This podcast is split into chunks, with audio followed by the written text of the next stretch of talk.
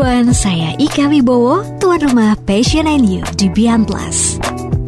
On this podcast, we'll talk about creativity, fashion, and lifestyle. So, just listening. Beyond Plus, tell the truth. Saya Ika Wibowo, tuan rumah Passion and You di Beyond Plus. Di episode kali ini kita bakal ngebahas satu profesi yang mana katanya sih hanya dengan satu tulisan tangan aja dia mampu mengubah dunia. Tapi katanya ya, nanti kita tanya ke narasumber yang sudah saya undang di podcast saya hari ini a jurnalis. Jurnalis ini ada yang bilang uh, she or he has a big responsibility, punya tanggung jawab yang besar karena itu tadi satu tulisan ketika salah ya bisa mempengaruhi sudut pandang dari pembacanya. Ketika itu disampaikan dengan menyajikan sebuah kebenaran itu juga akan mempengaruhi. Pokoknya uh, sudut pandang pembaca ini salah satunya dipengaruhi oleh jurnalis kita juga akan ngebahas perlu nggak sih sebenarnya kita punya passion atau membangun passion untuk benar-benar bisa all out ketika mau terjun di bidang ini apa aja sebenarnya kuncinya spesifik membahas K to be a journalist podcast Passion and You kali ini kami hadirkan with my special guest yang sudah hadir Jafar Sodik Asega. Yeay. Assalamualaikum. Waalaikumsalam. Kita harus syariah ya kan supaya anu, sesuai supaya lancar oh ini. iya benar karena for your information jadi kita udah tapping lumayan lama ya mm -hmm. Jafar ya tadi ya iya. udah lebih dari 20 menit padahal tadi udah ngomongin luhut bareng ya Iya, ternyata ya belum diridoi, belum diberikan kelancaran ya. Udah kita ulang lagi, tapi nggak apa-apa. Kita nggak uh, nggak sebel, nggak nggak sebel sih pembahasan kita nggak akan kalah seru. Karena gitu. kan passionate. Iya betul. Ngomong-ngomong soal passion tentang dunia jurnalistik ya Jafar sebagai seorang jurnalis. Tapi hmm. udah berapa lama kamu terjun sebagai seorang jurnalis? Sejak tahun 2011. Terus jadi 10 tahun. Uh, terus masuk di media besar di Solo, Solo Post mm -hmm. tahun 2013 akhirnya sing lali-lali mau detiling oh iya benar 2011 ternyata udah 10 tahun iya. berlalu. Iya. Pasti... tapi kalau penulisan sudah sejak lama sudah lulus SD tahun tahun berapa 2000 itu sudah mulai nulis. Oh iya kamu udah suka dengan hmm. dunia menulis tahun, sejak remaja? Sejak remaja. Eh kalau belum SD belum remaja cilik ya? berarti? Cilik. Jadi dari sejak kecil. Keren dong. Udah kalau dari pada SD. waktu itu sih nggak begitu keren ya keren lah. Iya. Keren karena kamu dari SD pun udah menemukan passion kamu gitu. Mm -mm. Iya, sebenarnya gini, tak ceritakan lagi. Oh iya. Jadi pada waktu itu tuh sebenarnya cita passionku tuh di bidang sepak bola. Olahraga, oh iya, olahraga sepak bola. Pernah jadi Pernah, pemainnya? Uh, Bukan jadi oh, bukan. Uh, main itu udah sejak waktu SD terusan SMP itu masuk sekolah sepak bola. Mm -mm. Terus waktu itu ikut turnamen uh, namanya Suratin waktu itu ya. Under 13 apa under 14 saya lupa. Tapi ya mengikut Piala Suratin sampai level uh, semifinal tingkat Jateng. Nah, di semifinal itu cedera parah cedera parah akhirnya kan udah nggak menemukan kesenangan di sepak bola kan. Mm -hmm. selama dua tahun vakum karena nggak bisa uh, operasi pada waktu itu ya. Akhirnya nyari kesenangan lain selain ya tapi tetap core-nya sepak bola kan. Nah akhirnya nulis nulis nulis itu jadi pelarian karena nggak bisa lari main sepak bola. Akhirnya nulis nulis nulis. Pada waktu itu kan sing paling gede ya di tahun 2000 2002 itu uh, nulis tentang Ronaldinho mm -hmm. terus ngirim ke salah satu media nasional tabloid bola waktu itu nah dimuat tapi uh, pada waktu ngirim tulisan itu nggak nggak apa tulisan saya itu dirubah banyak gitu loh. Mm -hmm. Oras oras yang sesuai dengan apa yang saya tak tulis tapi idenya ide pokoknya itu ada. Ide pokoknya masih di itu. Jadi cuman dibenahi cara penulisannya yeah, yeah, yeah. Nah, itu kan seneng sih. Wah, tulisanku dimuat nih terus akhirnya tuh nyari topik lain sampai 17 atau 15 tulisan gitu. Tak apa seminggu itu nulis sampai segitu banyak. Nah itu yang dimuat 3 sampai 4 kalau nggak salah 4 nah. nah itu dimuat. Akhirnya uh, seneng toh wah dimuat nih. Meskipun nggak dimuat langsung ya karena itu kan tabloid dua minggu sekali nah itu dimuat beberapa dimuat dimuat dimuat akhirnya seneng dari situ akhirnya nulis itu jadi kegiatan jadi kegiatan yang apa bergairah passion gitu nah terus gitu terus sampai akhirnya waktu kuliah itu pengen masuk jurusan jurnalistik tapi di kampus di Solo ini jurusan jurnalistik itu nggak banyak. Belum ada gitu ya. Mungkin belum ada pada waktu itu ya. Nah terus pengen masuk bahasa Indonesia jurusan bahasa Indonesia nggak direstui orang tua.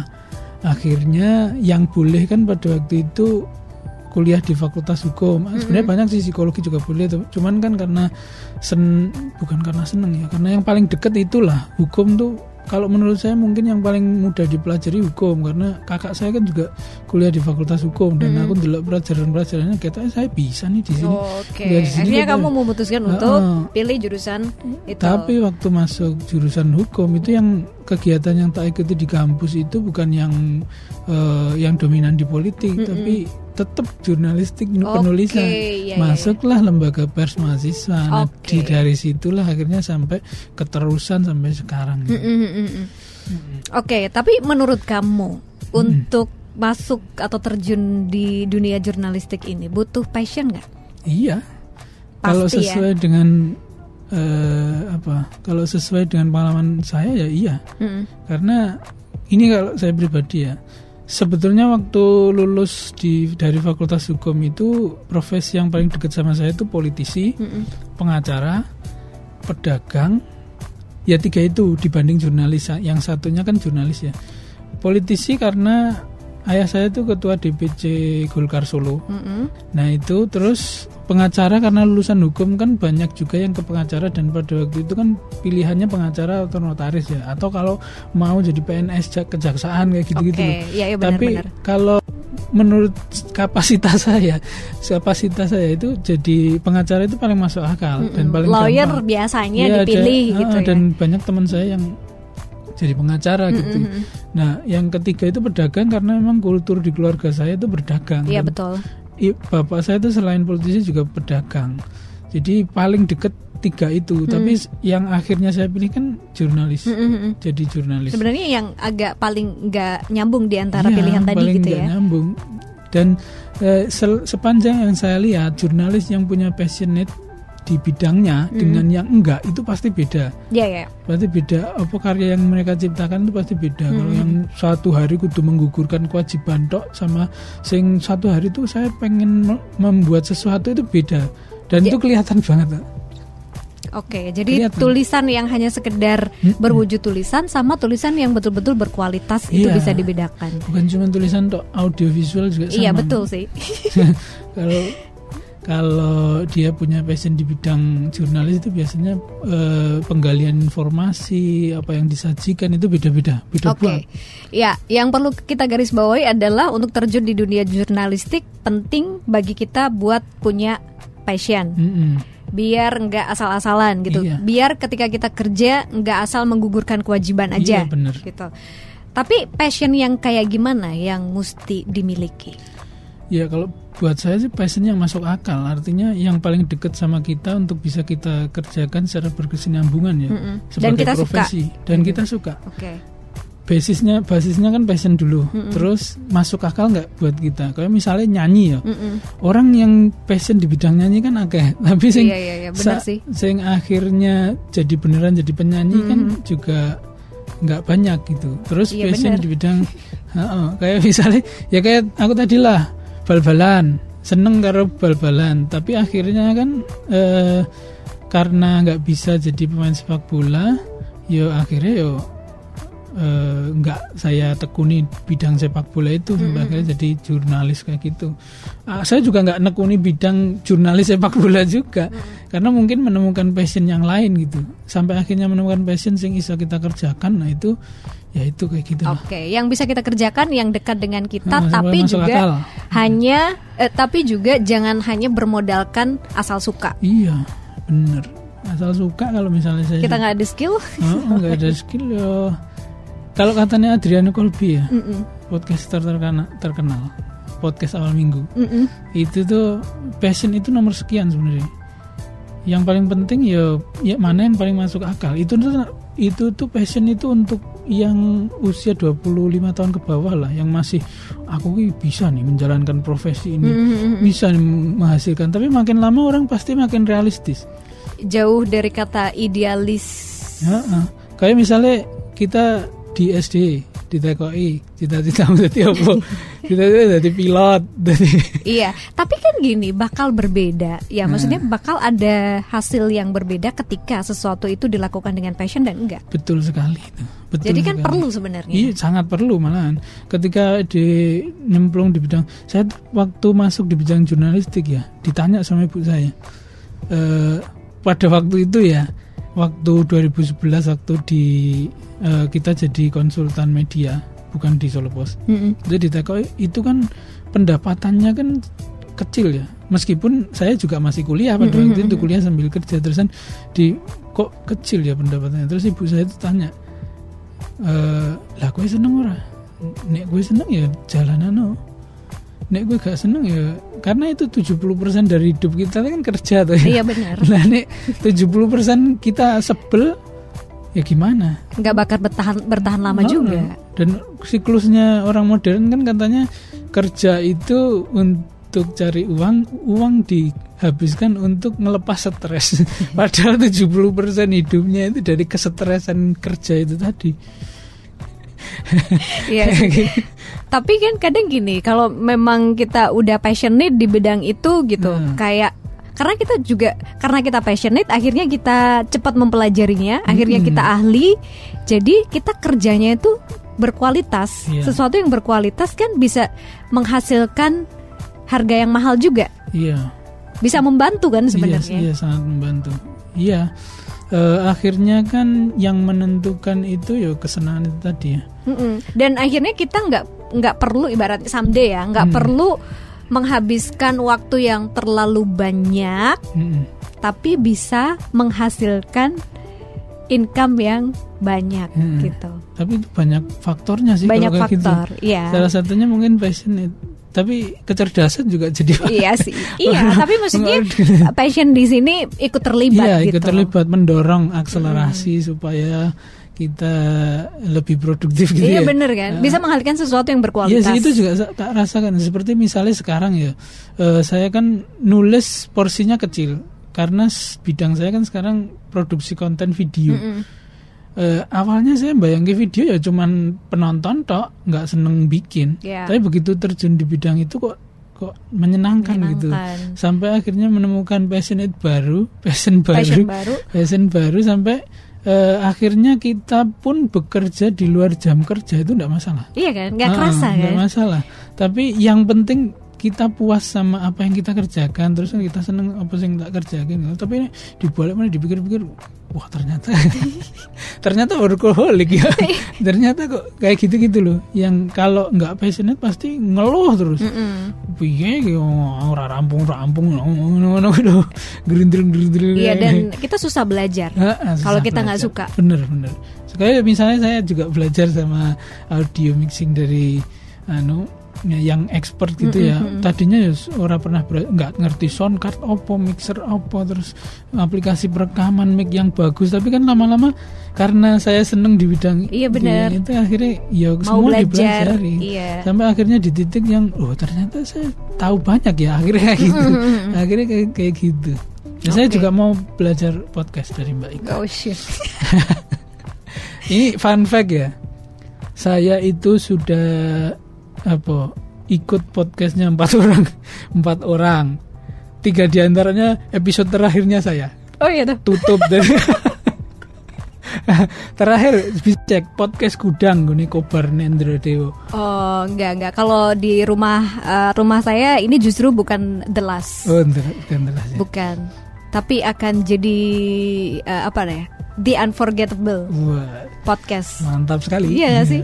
Ya tapi Jafar Kalau ngomongin tentang passion tadi ya Passion ini kan bisa jadi syarat lah ya ibaratnya Meskipun nggak satu-satunya Mm-mm. nggak satu-satunya Tapi diperlukan passion untuk bergelut di bidang jurnalistik ini Tapi apakah passion aja itu cukup? Saya pernah baca selain passion ternyata juga harus punya kayak bukan harus sih tapi uh, seorang jurnalis itu juga ibaratnya lebih baik kayak punya empati gitu. Hmm. Kalau menurut kamu penting gak sih empati itu? Penting.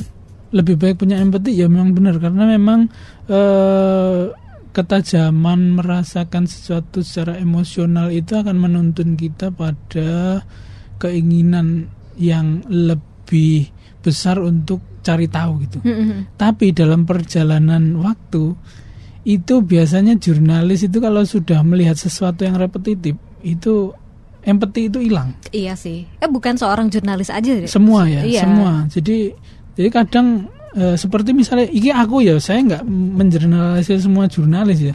Kadang tuh saya dianggap punya apa lack of empathy gitu. Mm -hmm. Kalau melihat sesuatu yang misalnya hal-hal sing jok-jok soal difabel itu kan banyak yang ngomong itu tabu. Mm -hmm. Tapi lama kelamaan kalau kita sering bergaul sama difabel, disabel itu tuh hal seperti itu wajar buat mereka oh, dan okay. dan dan kebetulan kakak saya kan juga difabel mm -hmm.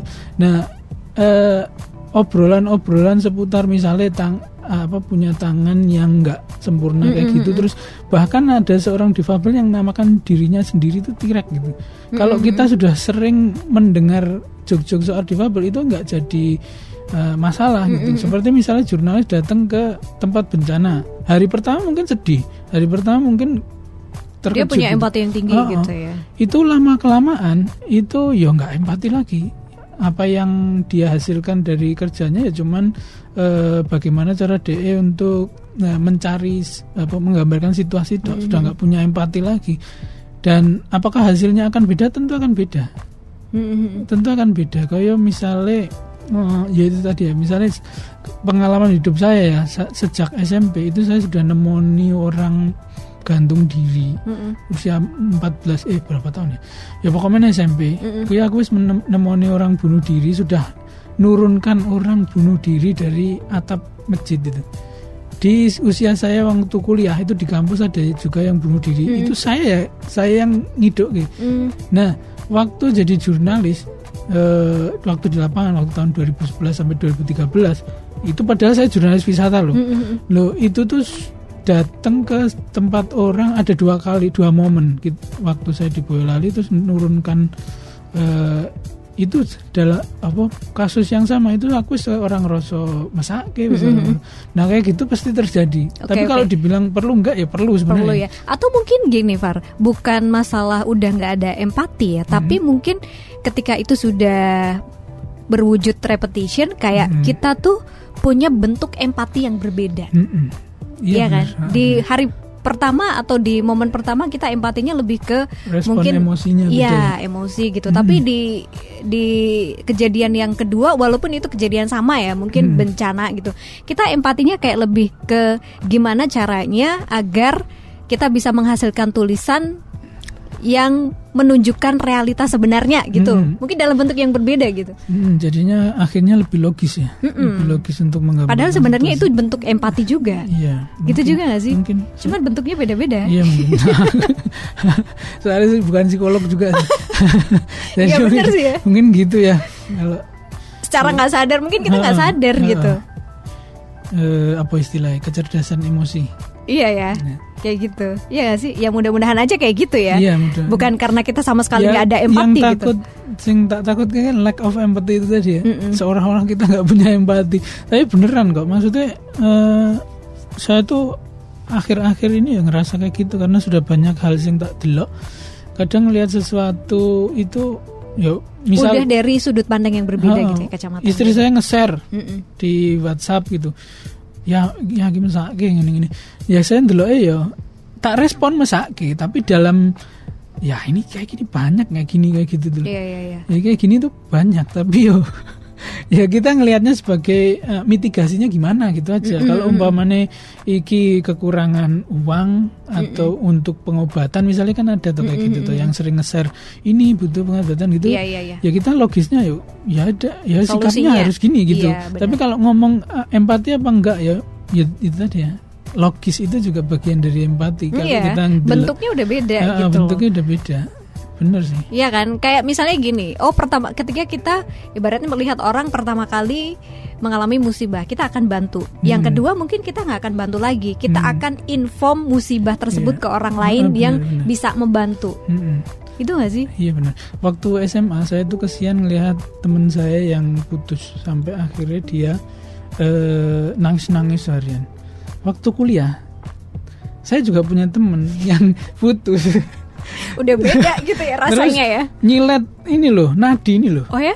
bunuh diri nyilet nadi Oh tapi Itu sampai per- meninggal. nggak sampai meninggal. Oh. Yang pertama tak ucapke apa? Eh bukan yang pertama tak ucapke, yang tak ucapke itu orang paling goblok itu orang sing bunuh diri. Tapi sing paling luwih goblok daripada itu orang bunuh diri tapi orang mati.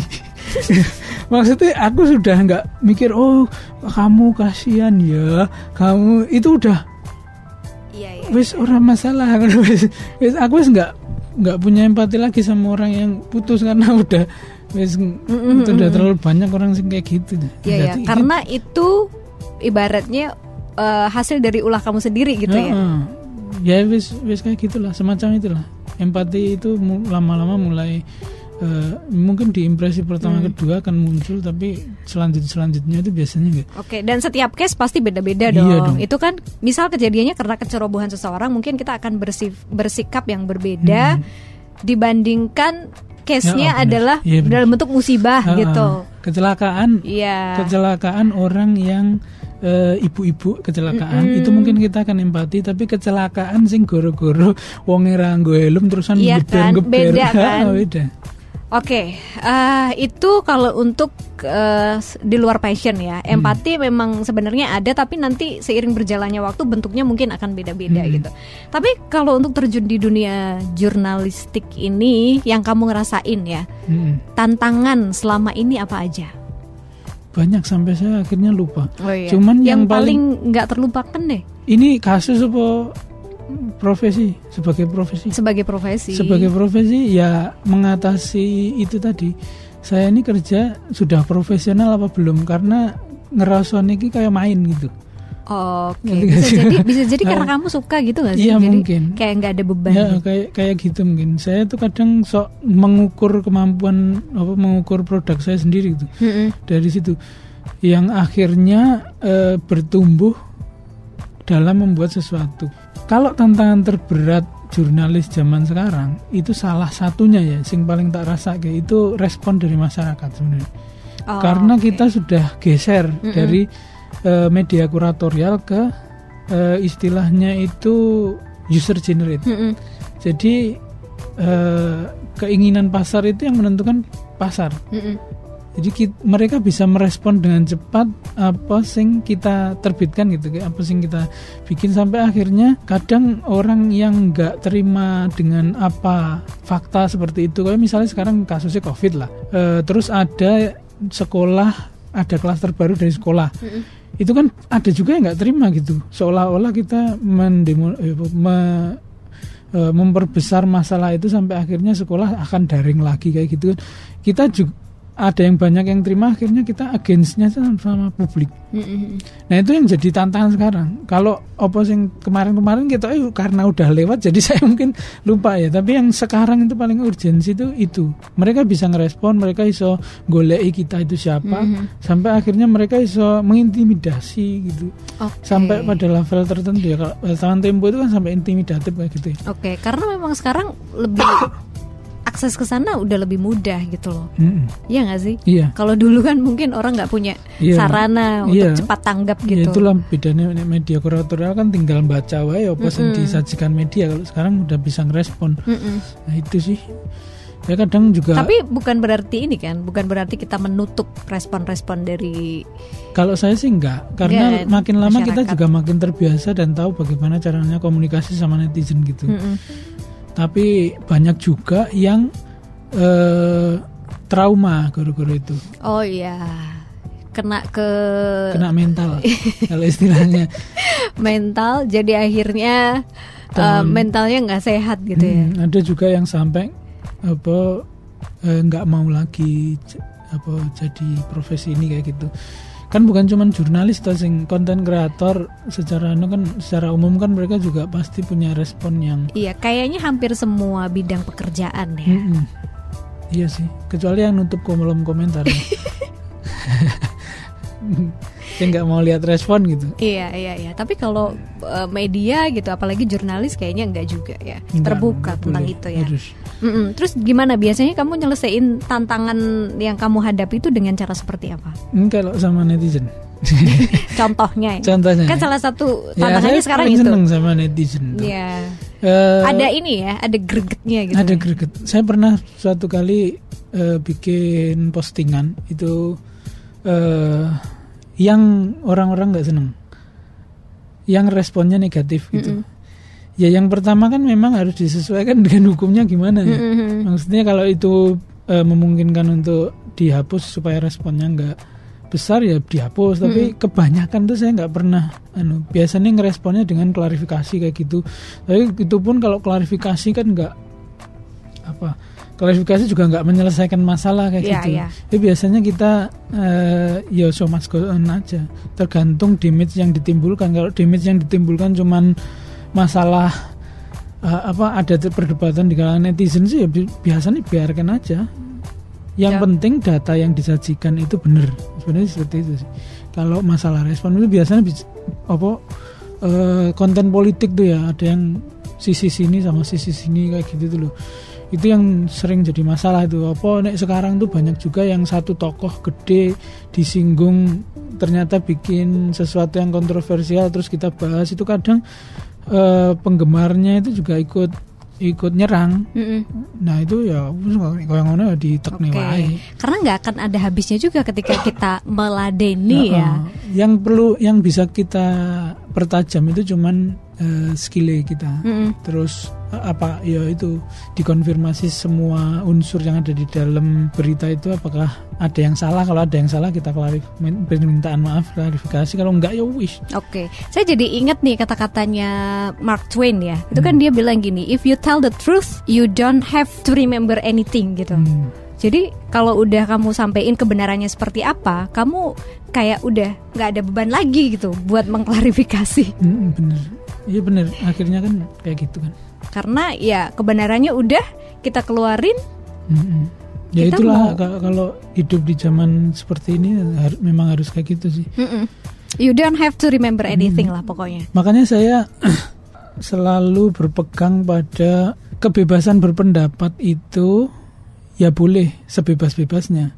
Tapi kebebasan orang untuk mengakses itu kudu dibatasi karena orang kan kadangnya respon untuk satu konten tertentu kan bisa jadi beda-beda. Enak sing misalnya anak-anak lah, anak-anak ya jangan sampai terpapar konten eh, pornografi misalnya kayak gitu kan memang aksesnya harus dibatasi. Misalnya ya kayak ini algoritma sekarang kan bubbling internet era ya Mm-mm. ya orang eh, media sosialnya itu tergantung kesukaannya apa nah itu wis bener tuh maksudnya orang sing ora ora apa nggak bisa terpapar dark joke misalnya itu ya jangan dikasih jangan direkomendasikan dark joke Mhm. ya guyonan styrofoam dikeprok wae Iya, iya, kayak iya. gitu Oke, gitu. itu kalau bicara tentang tantangannya tadi ya, terus upaya upaya kamu buat nyelesain tantangan. Tapi pastinya dalam menggeluti dunia jurnalistik ini nggak hanya soal tantangan aja, nggak hanya soal berat-beratnya aja. Pasti kamu punya ibaratnya suka. Ada nggak sih hal-hal yang membuat kamu tertarik gitu, pengalaman menarik? pengalaman menarik Ada? Kamu tadi bilang mau share pengalaman menarik. Wih, Oh, bahaya enggak ya? Ya Tapi tak cerita. Tak cerita Ini kan menit 30 kan kemungkinan sing kerungu nganti sak ini kan akeh sidik to. Jadi beruntunglah kalian yang sampai menit 30 ya. Tak kasih cerita di antara tahun 2007 sampai tahun 2009 itu saya masih menggeluti bidang penulisan. Tak Statusmu masih mahasiswa waktu Enggak. itu? Oh udah lulus ya? lulus. Itu waktu itu kan ada jeda dua tahun saya dagang antik. Oh, dagang antik waktu itu. Lulus saya tahun 2007 eh 2006 terus tahun 2007 itu masuk kuliah. Tapi di tahun 2006 itu tuh saya waktu itu kan warnet lagi kenceng-kenceng itu. Nah kegiatan salah satu kegiatan rutinitas saya itu kan ke warnet untuk sebenarnya untuk game sih game Final Fantasy 11 waktu itu aku pengen namat ke itu terusan akhirnya ke warnet ke warnet ke warnet ke warnet Suat karena saya orangnya gaptek saya selalu bawa orang Mm-mm. mm teman saya Mm-mm. untuk piye tau caranya browsing ngono nah teman saya gaplek iki saya kan orangnya suci tidak ada dosa nah teman saya yang Enggak juga kan. Enggak ada orang yang kayak gitu. Iya. Itu tuh sering browsing browsing sesuatu sing nyerempet nyerempet bahaya. Oke. suatu ketika DE browsing cerita apa ya istilah 18 plus. Ya, pokoknya untuk eh, Ah, 18 ke atas lah ya. plus kayak Oke. gitu. Nah si R ini nama inisialnya R udah disebut gaplek lah. R ini kui di, di print Oh, jadi cerita ini di print terus dibaca dari terus dia merekomendasikan saya cerita ini oke.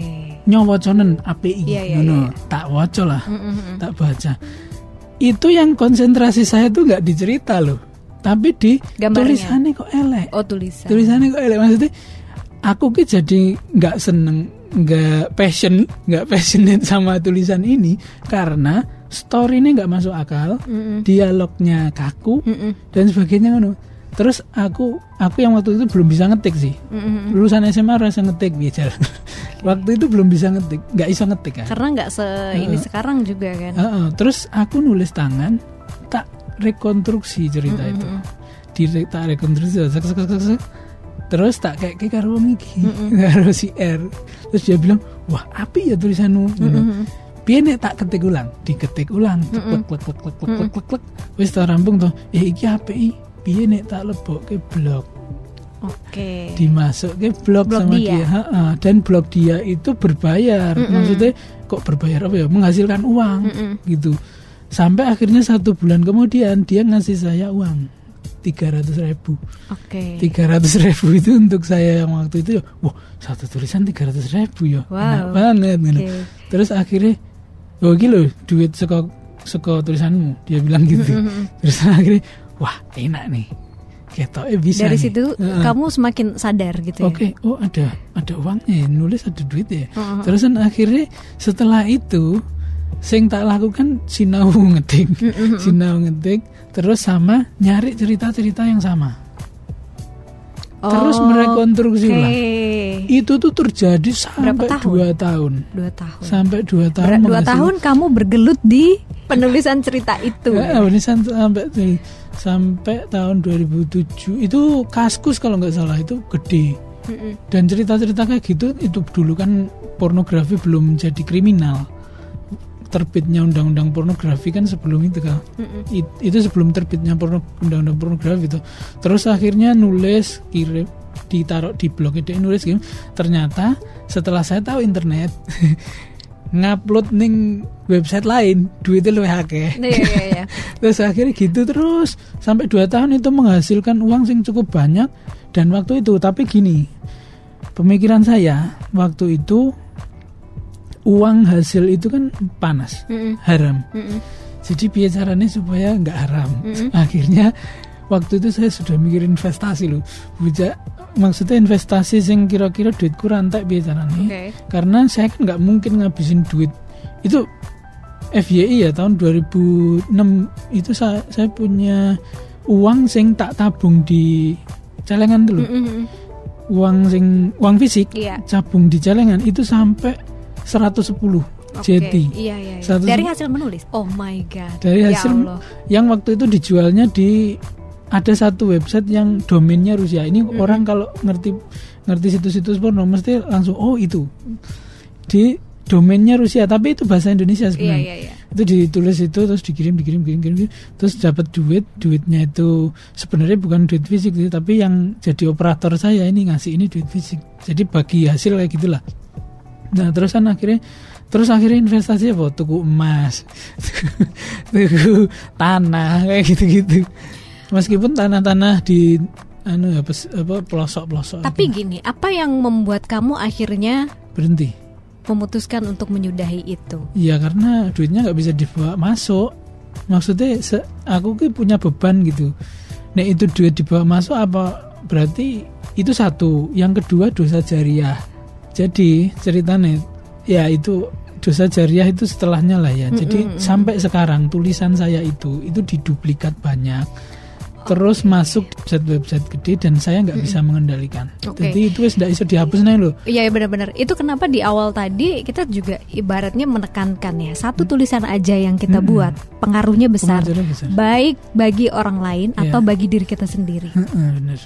Iya kan? Iya. Responsibility-nya gede banget. Heeh. Saya saya pe- lapor kominfo buat konten porno itu loh. Mm-mm. lapor pak i, i- jadi pakai tulisan resmi gitu. Tapi waktu itu kan belum kriminal maksudnya. Diupload ulang kan terus aku bilang ini di take down gitu. Saya permintaan di take down. Yang saya tahu dibatasi tapi nggak di take down. Nah itu yang jadi masalah sekarang. Saya eh piye caranya menghapus semua konten yang waktu itu? Ya ya, berarti sebenarnya termasuk di bidang jurnalistik ini semua kendali pilihan tuh ada di tangan Iya. kita. Nah, apalagi di era internet saat ini ya Oke, jadi ada hikmahnya ya Iya bener, kan nggak apa-apa. yang berhikmah. Emang Makanya diba- dibuka dengan Bismillahirrahmanirrahim. kan memang tujuan kita menyajikan setiap episode tuh gitu, Heeh. biar listener kita itu mengambil hikmah, Mm-mm. pelajaran, Mm-mm. ada value Bener. Yang mau kita share Mm-mm. gitu. Jadi sebenarnya pilihan itu ada di kita. Di dunia jurnalistik pun juga sama. Sebagai seorang jurnalis, kita bisa ibaratnya memutuskan apakah ini mau dibawa ke sesuatu yang sifatnya baik Mm-mm. atau sebaliknya. Nah, seperti pisau bermata dua segala sesuatu tuh kayak gitu. Mm-mm. Pinter ngomong juga gitu kan. Iya sih, bumerang kan. Heeh, pinter ngomong kan. Sometimes iya. Ibaratnya setiap pekerjaan tuh pasti punya resikonya masing-masing Iya, lah ya. Resikonya masing-masing. Tinggal Ini kita- resikonya ngerusak bangsa berarti. bangsa dan moral. Ah, ya. benar. Iya, moral akhirnya ke bangsa juga ya. Tapi Oke. saya sudah sholat tobat kok. Saya sudah sholat tobat. itu saya klarifikasi dulu dong. Gimana? Itu uang Oh, iya. yang saya investasikan itu akhirnya hangus juga habis dan habisnya pun cepat. Iya, Dan karena wak- waktu itu kan saya konsultasi sama Habib Umar ya Mm-mm. soal dosa gara-gara kayak gitu tuh apakah bisa dihapus apa enggak? Terus kan jawabannya kan eh, ya nggak tahu kan, yang tahu kan cuman Allah. Cuman tugas kita memohon ampunan Ah, ampunan, ya. ampunan dok. Tapi kalau prosedurnya kan Allah alam. tobat dulu, Mm-mm. tobat dulu. ya, Tapi sekarang- at least kamu udah Heeh, ibaratnya sadar lebih cepat. heeh. Ya harapan saya Sehingga kalau- nggak numpuk. Ini ada harapan ke pemerintah nih.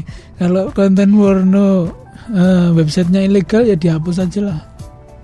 Iya kan? Aturannya jelas. Oh, kalau aturannya jelas. Kalau yang apa domain Rusia ini kan saya lihat ketoknya udah nggak ada ya. Tapi kan yang lain juga Iya, iya, banyak. benar, dihapus aja jangan dibatasi itu kayak gitu tuh. Iya, iya. Kadang konten mereka konten nyolong Mm-mm. kayak itu tadi kan konten nyolong. Oke, jadi belajar banyak hikmah ya. Mm-mm. Pokoknya sesuatu yang nggak berkah itu nggak bakal bertahan lama. Iya bener. Oke, eh, Jafar, karena udah lumayan lama nih ya, Hmm. kita nge-podcastnya, ntar takutnya pada eh, boring Ada juga. tidur, Ya, oh, bu- bukan pada boring, pada bored gitu. bored. Karena podcastnya boring. Jadi kalau kelamaan maksudnya, apa yang mau kamu sampaikan buat teman-teman yang pengen bergelut di dunia jurnalistik, as a jurnalis? harus passionate harus suka dulu kalau dunia jurnalistik karena uangnya nggak banyak. Dah gitu. Oh ya. iya karena uangnya nggak banyak. Jadi kalau pengen jadi jurnalis ya tulus niat untuk se- anda bergairah di dunia ini apa enggak gitu. Kalau pengen kaya jadi pengusaha. Kan iya gitu. sih, benar-benar. kalau pengen pengen kaya jangan jadi dokter jangan jadi ini beneran sebenarnya dokter itu bukan untuk orang yang cari duit pengacara juga sama cuman kan akhirnya kan beda-beda tapi di dunia jurnalistik kan gitu ya harus passionate harus Oke, har- harus passionate. Terus kalau misalnya udah terjun di dalamnya, mesti hati-hati juga ya. Nah, mesti Takutnya hati-hati. tergelincir kayak Ah, ah. pengalaman kamu tadi. Hati-hati karena setiap tulisan itu setiap apa yang anda buat itu terekam di lauful mahfuz Masya Allah. Dan banyak kayak jebakan-jebakan Heeh, gitu gak sih? jebakan offset Ya, yang kita kadang nggak expect gitu. Heeh. ya belajar yang banyak dan bertumbuh dengan seiring bertumbuhnya umur Mm-mm. ojo ngeyelan ojo jangan keras kepala gitu Eh kadang sebentar, kalau ngayalan itu kayaknya kamu ini deh ya. aku ngeyelan Efek dari curhatan yang sebelum podcast deh ya. apa Ngayelan. Iya, uh, benar-benar. ya udah, terima kasih. Thank you banget Jafar udah mampir ke podcast saya. Oke. Okay. Jafar, mudah-mudahan nanti next time kita bisa ngobrol lagi ya Far ya. Oke. Okay. Dengan passion-passion yang lain, mungkin okay. kamu punya ada kan? Kamu kan baru mau bikin uh, video podcast. Ya, promo boleh Oh, boleh, boleh silakan. Ah, video podcast video saya, kan uh, video. dalam bentuk video kan ya, bukan audio kita aja ada konten makan-makan yang uh, fokusnya masih di Solo karena okay. yang deket di Solo Madang John namanya browsing aja di YouTube Madang jangan lupa di subscribe ya di like, subscribe dan sebarkan ke grup WhatsApp keluarga. Oke. Okay. Belusuan pasar juga ada. Oh ya? Iya. Oke, okay, baik. Madang John ya. Madang Itu John. review tentang makanan, makanan? bukan review dok. Jadi oh, bukan. kita bahas soal makanan apa aja. Oke, okay, hmm. baik. Terus buat teman-teman itu tadi sih sebenarnya kalau kita mau menekuni bidang tertentu memang wajib untuk melibatkan passion di dalamnya tapi yang perlu juga kita garis bawahi adalah pelajari dulu pahami dulu ya resikonya kayak gimana. Sampai ketemu di next episode. Sampai jumpa. Dadah